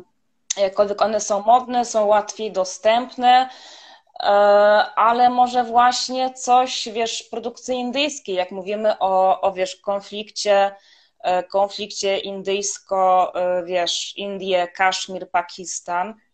Jeżeli ktoś lubi klimaty bollywoodzkie, polecam zawsze Fana, tak, z Amirem Khanem, żeby zobaczyć właśnie perspektywę Indusów na, właśnie no, na te relacje, prawda, na tę kwestię terroryzmu. E, jeżeli chcemy coś, co nie jest Bollywoodem z kolei, e, wspaniały film, troszkę stary, ale Depa Mehta, The Earth, o, o właśnie o korzeniach tego konfliktu. O, książki. Powiem Ci, w ogóle się przyznam, że ja nie czytałam Shantaram. Absolutnie wszyscy, wszyscy moi turyści czytali, a, a, a, a, ja gdzieś, gdzieś tam gdzieś tam jeszcze to jest przede mną. No jest to klimat generalnie e... Indii w takich mhm. latach powiedzmy 60., e, czyli takie mm, mhm. no jeszcze to trochę tak jak e, Polska lat 80., 90. Także już tak się powoli gdzieś tam rodzi jakaś przedsiębiorczość, ale tam są jakieś, wiadomo, jakieś takie bardzo lokalne różne klimaty. Oczywiście pewne rzeczy, tak jak na przykład e, kwestia kupowania papierosów na sztuki. E, ona się w Indiach, broń Boże, nie zmienia, bo to są e, świetne rozwiązania, mhm. które się po prostu tutaj sprawdzają na te indyjskie budżety. Aczkolwiek, e, no właśnie, taka mafia jakaś indyjska, która trzyma w rękach całą jakąś tam dzielnicę. Mhm. No. To już chyba bym bardziej, wiesz co, poleciła na Netflixie, nie wiem, czy widziałaś Daily Crime. Mhm. Właśnie tak, to już bardziej, bardziej bym może polecałeś. No, lata 60. w Indiach tak naprawdę to jest 200 lat temu, tak, jeżeli chodzi o tempo rozwoju tego kraju, przynajmniej dla mnie. Jakby świat opisywany wtedy, no, no to często nijak się ma do tego, co, co dzisiaj to można zobaczyć, Jasne. prawda? Że to się niesamowicie, niesamowicie zmieniło. Eee, jeszcze tak wracając do tych właśnie, bo tymi filmami mnie w ogóle zabiłaś, wiesz? Wiesz, że ja bardzo mało filmów bollywoodzkich oglądam? Mm -hmm. No bollywoodzkie ja nawet nie mówię bardzo, o bollywoodzkich, ale mało. zobacz, kiedy mm -hmm. wpiszesz sobie, a ja przeważnie kiedy się przygotowuję do jakichś wyjazdów z moimi um, podróżnikami, turystami, gośćmi z Polski, to wychodzę z założenia, że gdzie oni czego szukają i czego się mogą dowiedzieć o danym kraju. No i kiedy wpiszemy sobie na przykład dokument Indie na YouTubie, no to co nam wyjdzie? Wyjdą nam jakieś takie właśnie straszne rzeczy, albo jakieś takie właśnie rzeczy z górnej półki znowu, czyli indyjskie śluby, mhm. albo indyjskie właśnie jakieś problemy w kwestii gwałtów, albo indyjskie, indyjscy bogacze, e, czyli wszystkie te takie skrajności, to co się po mhm. prostu sprzedaje, e, bo e, to, co też podkreślałam wielokrotnie, kiedy przejdziemy się po takich zwykłych Indiach, nazwijmy to, zajrzymy na zwykłe osiedle, gdzie żyją zwykli ludzie, mają zwykłe mieszkania, takie same jak samochody. Dobra, może mhm. troszkę inne samochody, ale nazwijmy to zwykłe samochody. Wychodzą z psem na spacer, idą do pracy, do biura, wracają, jedzą obiad z rodziną. Wiesz, to, to nie jest ciekawe, to, to nie jest ten orient, którego i ten, ten, wiesz, thrill, którego każdy poszukuje, kiedy się wybiera. Tak, to jest właśnie to, że, że, że my szukamy tak bardzo, ja lubię pokazać, że Indie to swojej takiej troszkę nienormalności jest to kraj tak naprawdę normalny, jest to kraj jak kraj, tak? Z większymi problemami, na większą skalę, ale tak jak mówisz, y, y, klasa średnia w Indiach nie, niewiele odbiega od klasy średniej yy, jeżeli chodzi o wiedzę, zachowania od klasy średniej Europy. No to wiadomo, tak troszkę inne może rzeczy jedzą na śniadanie, prawda? Troszkę, e, troszkę inne mają priorytety, troszkę, troszkę częściej się pytają o rodzinę, prawda? Ale to, to nie jest tak, że mówię, że na każdej ulicy po prostu w Mumbaiu słonie chodzą e, i panie tańczą, tak? E, także natomiast no, niewątpliwie wiesz, to, to, trochę takie właśnie smutne, bo nawet, po, nawet podczas takich długich wyjazdów wiesz, ciężko jest czasami turystom pokazać tę normalną część Indii, tak? E, bo tak naprawdę. Nie zapuszczasz się w też dzielnicę albo, po prostu. Tak. Nie ma troszkę, znaczy ja się zawsze staram, ja się zawsze staram, jakiś indyjski wie, e, clubbing, czy mówię, no chociażby ta odrobina normalności, jaką jest właśnie metro, tak? Przemieszczanie się po Delhi metrem. Albo wybierz się nocą na Connaught Place, do indyjskich pubów i barów i jak zobaczysz, co Boże, są ubrane się... po prostu indyjskie kobiety. Tak, tak, dokładnie. I, I w ogóle, wiesz, sama atmosfera centrum Delhi, no wiesz, problem jest taki, że ja ciągle powtarzam, że, że nawet ci, którzy byli w Indiach, bardzo często jako prawdziwe Indie pokazują Paharganj w Delhi tak, czyli backpackerską dzielnicę. Ja lubię back, ten sposób podróżowania, jak najbardziej Paharganj ma swoje uroki, tak jako, jako miejsce, ale broń Boże, wiesz, no to nie są Indie, yy, Indie, mm. prawda? Co więcej, większość moich w ogóle znajomych Hindusów, na, jak słyszę, że, że, że tam, wiesz, europejscy podróżnicy przyjeżdżają, tak, mieszkają w tych niedrogich hotelikach, to się łapie za głowę, bo tak naprawdę y, żaden w cudzysłowie szanujący się Indus na Pachar Ganj, no, no, No jak, jak ja powiedziałam tak? moim znajomym, że e, przylatuje 40-osobowa grupa z Polski i ja ich biorę na Chowk i tam na bazary w ogóle będziemy szli od meczetu mhm. wielkiego do Czerwonego Portu, to tak. było takie, mhm. czy ty jesteś normalna? Przecież tam we dwójkę to w ogóle ciężko przejść i strach się bać, czy się nie zgubisz. Jak ty chcesz przejść z tą 40-osobową grupą? I powiem Ci, że jak zaczęłam o tym myśleć, to wtedy też stwierdziłam, Boże, może rzeczywiście. I jak dotarliśmy do tego ja portu, tam to ja mówię, z dwunastką. A ja przeszłam z 40 i powiem Ci, że wtedy nie wiedziałam, któremu z indyjskich bogów dziękować, hinduskich, bo to był jakiś Kosmos. No, tak. To, to jest absolutnie fascynujące. Każdy, kto jeszcze nie był, absolutnie polecam właśnie przejście przez te bazary e, z tyłu właśnie e, meczetu, tak, w, w kierunku Chandniczok. No my ostatnio z grupą szliśmy, żeby nie skłamać, to chyba wiesz, to było parę dni przed Diwali. Więc e, co chwila po prostu ktoś z mojej grupy albo obrywał jakąś potężną paczką, tak, którą ktoś tam niósł na głowie, albo w ogóle wiesz, jakiś, jakiś wiesz, rząd riksz tamował, tamował ruch, także no przejście e, niewątpliwie należało takich bardziej, bym powiedziała, e, ekstremalnych, jakie, jakie, jakie miałam, tak? Mhm. Ale no, na pewno ma swój urok. Ma swój urok. I widzisz, jeszcze bardziej mi tego No i jedzenia. No nie oszukujmy się, że mm, no właśnie, to jest ten duży kontrast, myślę, który, który też ludzie nie mhm. są świadomi, że właśnie przylatują do Delhi, już to lotnisko w Delhi nie jest takie jakieś indyjskie, jakby się mogło wydawać. I potem trafiają właśnie do New Delhi i nagle jest takie, co to są za jakieś aleje? Co to są za jakieś ogromne trawniki w ogóle? Gdzie jest to Delhi, tak. które widziałem w mhm. telewizji? Ja tutaj przyjechałem zobaczyć te ryksze piesze. No i wtedy trzeba iść do Old Delhi i tak. cóż, no. E, jak śmią Indie być e, poukładane i, i, i takie właśnie i czyste i działające? Przecież my się nie tego spodziewamy, no, tak? A czy to, to, to oczywiście te, też, też jest, e, no, jedzenie oczywiście, tak, to, to, to wiesz co, chyba, chyba zaraz pójdę do jakiejś samochody. No tak, ale to dobra, to jak o jedzeniu, no to wspomniałaś na początku, ale nie wszyscy z nami byli. Samosy. Samosa, czyli e, coś, co myślę, że większość z nas kojarzy, czyli taki pasztecik jakby stożkowy, mhm. który w środku może mieć mhm. różne rzeczy, ale najczęściej ma po prostu ziemniaki z groszkiem. Może też być kaczori, o którym to się wspomniała, czyli taki mhm. um, samosa, ale w formie placka, po prostu. E, I najczęściej to tak, trzeba tylko trochę ją rozgnieść u góry mhm. i wtedy się polewa dwoma sosami. Mhm. Zielonym, który jest słono, ostro, miętowy i czerwonym, który jest słodkawy. Tak, miętowy, tak, tak, tak. tak. No to do, tak, dawaj, co jeszcze? Który mi się kojarzy z keczupem i to absolutnie nie, nie, nie jest keczupem. Co jeszcze? O, wiesz co, ja byłam w ogóle zachwycona kuchnią północnoindyjską, tą daleką północnoindyjską, bo, bo jak dobrze wiesz, ta, ta kuchnia niska czasami no, jest, że tak powiem, aktywna, jeżeli chodzi o żołądek, wiesz, to jednak te intensywne, ostre przyprawy, a, a północ y, tak naprawdę, te Himalaje, to jest taka święta trójca, tak, czyli tukpa, tentuk, momo. Mhm. Czyli y, tukpa, tentuk, czyli takie zawiesiste rosoły, tak, z makaronem różnego rodzaju. I tak naprawdę bardzo często się pytają, a co ja rosół mam jeść, się tym nie najem, a to jest taka potężna micha po prostu, to jest po prostu danie, to jest rosół z bardzo potężną wkładką.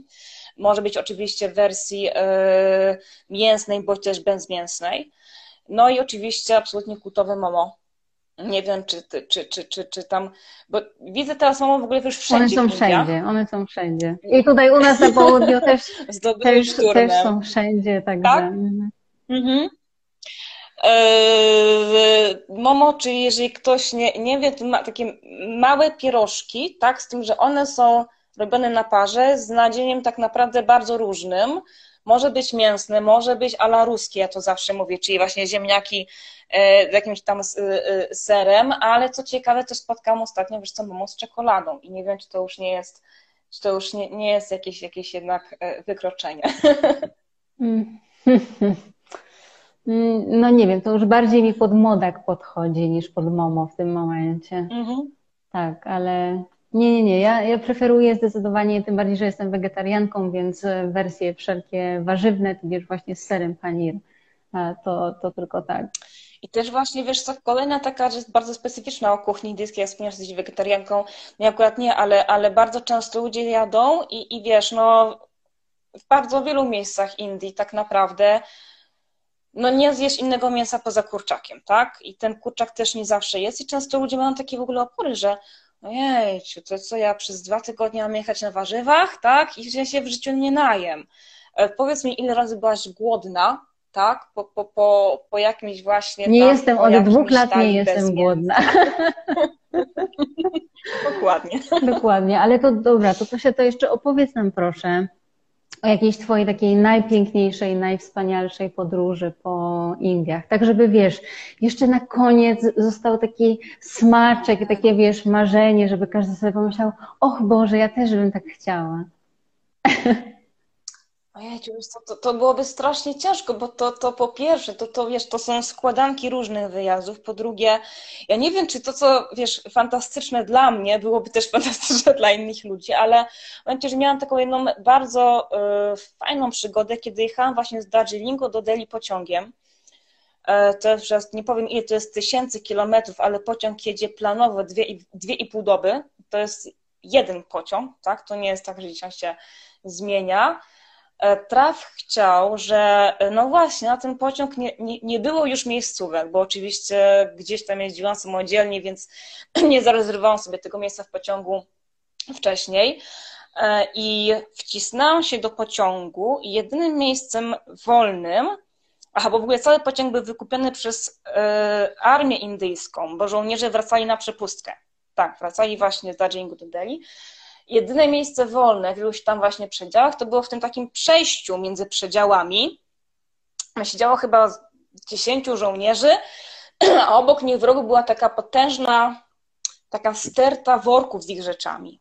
I te worki sięgały prawie pod sam sufit, także tam było tak, wiesz, tak nie wiem, może 60 centymetrów wolnego. Jedyne miejsce, gdzie mogłam się położyć spać, pod przysiedzieć dwie i pół doby, to było na górze tych worków. Taka czepka. E, co, co za zgodą armii indyjskiej zrobiłam? Położyłam się, no tak czy siak jedziemy, jedziemy, nie wiem, już druga doba. Stanęliśmy właśnie chyba gdzieś na wysokości Agry, bo to była właśnie e, zima, czyli były te potężne mgły i tak jak mówiliśmy wcześniej, jak jest zima, to bardzo często na północy indyjskie pociągi po prostu stoją w tej mgle, bo konduktor no, nie może jechać, bo nie wie, co jest przed nim i, i my stoimy, a przystoję w Indiach w pociągach to nie jest godzina, tak, tylko to czasami to jest trzy godziny i stoisz w tym polu i stoisz, stoisz. I my tak stoimy i w końcu ci, ci żołnierze, żeby jakoś tak urozmaicić sobie czas. Ja w ogóle nie wiem, co, przyszły te takie małe dziewczynki, które, te akrobatki, tak, zaczęły tańczyć, śpiewać, tam te akrobacje swoje robić i ci, ci żołnierze, ja nie wiem w ogóle skąd, słuchajcie, oni wyciągnęli keyboard tak. z tych toreb, na których I spałaś. grać. Gdzieś wyciągnęli sobie keyboard, zaczęli grać, te dziewczynki zaczęły śpiewać. Ja, ja w ogóle weszłam e, z, jakąś, z jakimiś polskimi przyśpiewkami, no bo jak już robimy te trzy godziny, nie, to przynajmniej pośpiewam. Wiecie, e, zrobiła się taka impreza, że ludzie się właśnie z dwóch przedziałów e, zebrali. I to była jedna z takich naprawdę bardziej fantastycznych podróży, która pokazuje to, że no Indusi po prostu to są ludzie niezwykle pogodni, tak? Yy, niezwykle otwarci i, i, potrafiący w ogóle wyczarować nie wiadomo skąd w pociągu keyboard. I nie ma problemu na przykład, że nie masz jedzenia ze sobą, bo zawsze się znajdzie ktoś, kto ma za dużo jedzenia zawsze i się z tobą podzieli. Cię, tak. Zawsze ktoś cię poczęstuje, samosą w ogóle, to także to nie są niezwykle opiekuńczy, trzeba to, trzeba to podkreślić, prawda? Bardzo często, kiedy widzą właśnie e, samotną kobietę, to od razu im się włącza, że trzeba się nią zaopiekować. Czy ile razy trafiłaś, wiesz, pod opiekę rodzin indyjskich, bo gdzieś jeździłaś sama, tak? I to po prostu trzeba zabrać do domu, nakarmić w ogóle, odprowadzić na pociąg. No to jest, to jest właśnie to, to, to, to, czego też mi niesamowicie, niesamowicie brakuje i co bardzo, bardzo e, w Indiach mhm. To prawda i to jest kwestia takiej dużej bezinteresowności w tym, tak? Oni nie mhm, oczekują tak. tego, że ty tam nie wiem, zapłacisz im za to albo gdzieś. Oczywiście trzeba być świadomym, że mm, oszuści też są. i kieszonkowcy i różni inni rozbójnicy uliczni, ale mhm. E, no tak, ale to są takie skrajne przypadki, jak gdzieś tam człowiek podróżuje i ma z tyłu głowy, żeby, dobra, nie wiem, trzymać blisko siebie gdzieś tam te dokumenty, e, to, to myślę, że sobie spokojnie poradzi, jak w każdym innym kraju. To jeszcze takie podchwytliwe pytanie, Antonina. Jak ty się zapatrujesz na wożenie probiotyków z Polski? Ojej, tu mnie ta zagięłaś, bo wiesz co, nigdy się tym w ogóle nawet nie, nie zajmowałam tą kwestią. Mhm. Także znaczy nigdy... powiem tak, ja, ja też jak Ach, czytam... Tak, już wiem o co... Mhm. Mhm. No, mhm. dawaj. Okej. Okay. E, wiesz co, czyli żeby jak uniknąć słynnej e, klątwy Hanumana, tak, mhm. stosując jakieś takie nasze, nasze specyfiki. Jeździ, w ogóle nie pamiętam, kiedy ostatni raz miałam taki problem. E, mi się wydaje, że w ogóle Indie w ogóle dla, dla, dla zdrowia nie są szkodliwe. Tak? I, I, jakby jasne, można wozić jakieś leki z Polski, ale i jedząc te, te, wiesz, potrawy na miejscu, to i jak przychodzą taką tę aklimatyzację dla żołądka stopniowo, to to naprawdę chyba. No i nie oszukujmy nie się, że na. Moje grupy od dawna to nie narzekały. Że na problemy żołądkowe pochodzenia indyjskiego lepiej stosować leki antybiegunkowe, na przykład pochodzenia indyjskiego też niż wozić z Polski jakieś stoperan, e, probiotyki i tak dalej. Oczywiście ja też mhm. kiedyś myślałam, no tak, no te probiotyki w sumie mają pewnie sens, ale w sumie powiedzmy sobie szczerze, drodzy nasi widzowie i słuchacze, e, lepiej już wziąć z tej strefy wolnocłowej po prostu butelkę wódki, niż wozić probiotyki.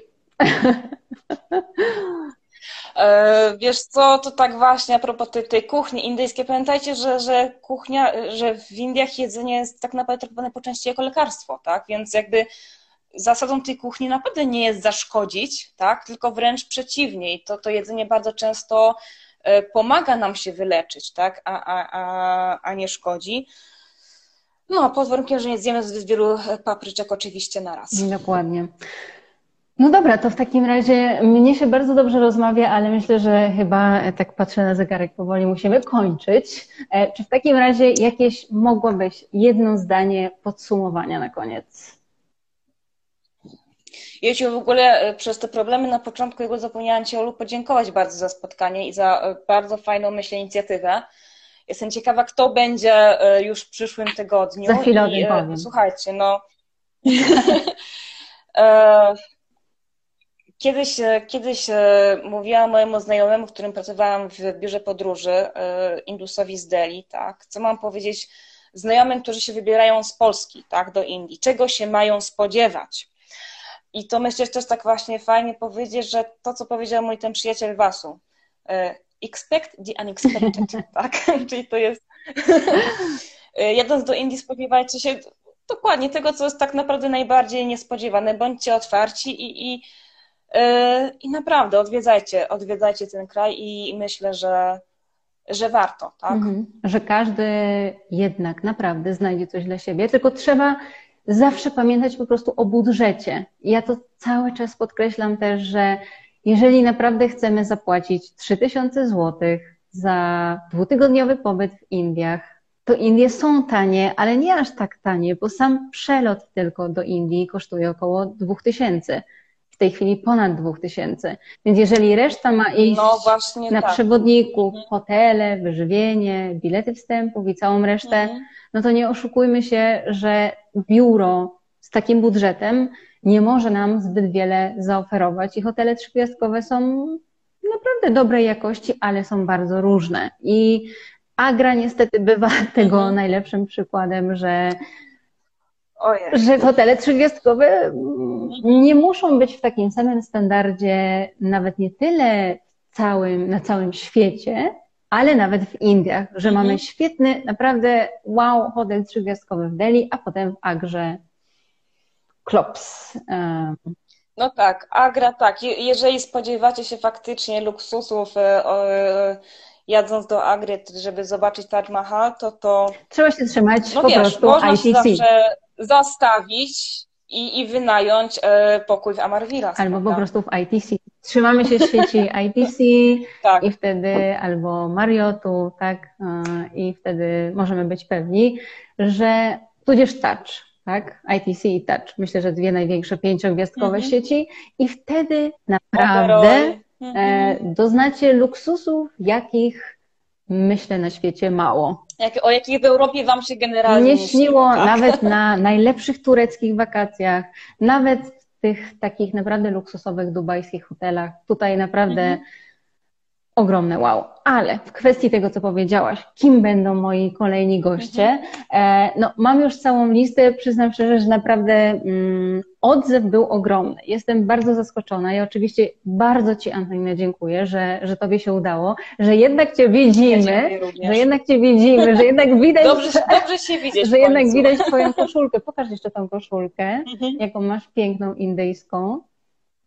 Mm, dokładnie. Tak, żeby nie było, podkreślając związki właśnie z kulturą buddyjską i nie tylko, prawda? Dokładnie, ale mm, naprawdę mam nadzieję, że rzeczywiście tydzień w tydzień uda nam się tutaj spotykać.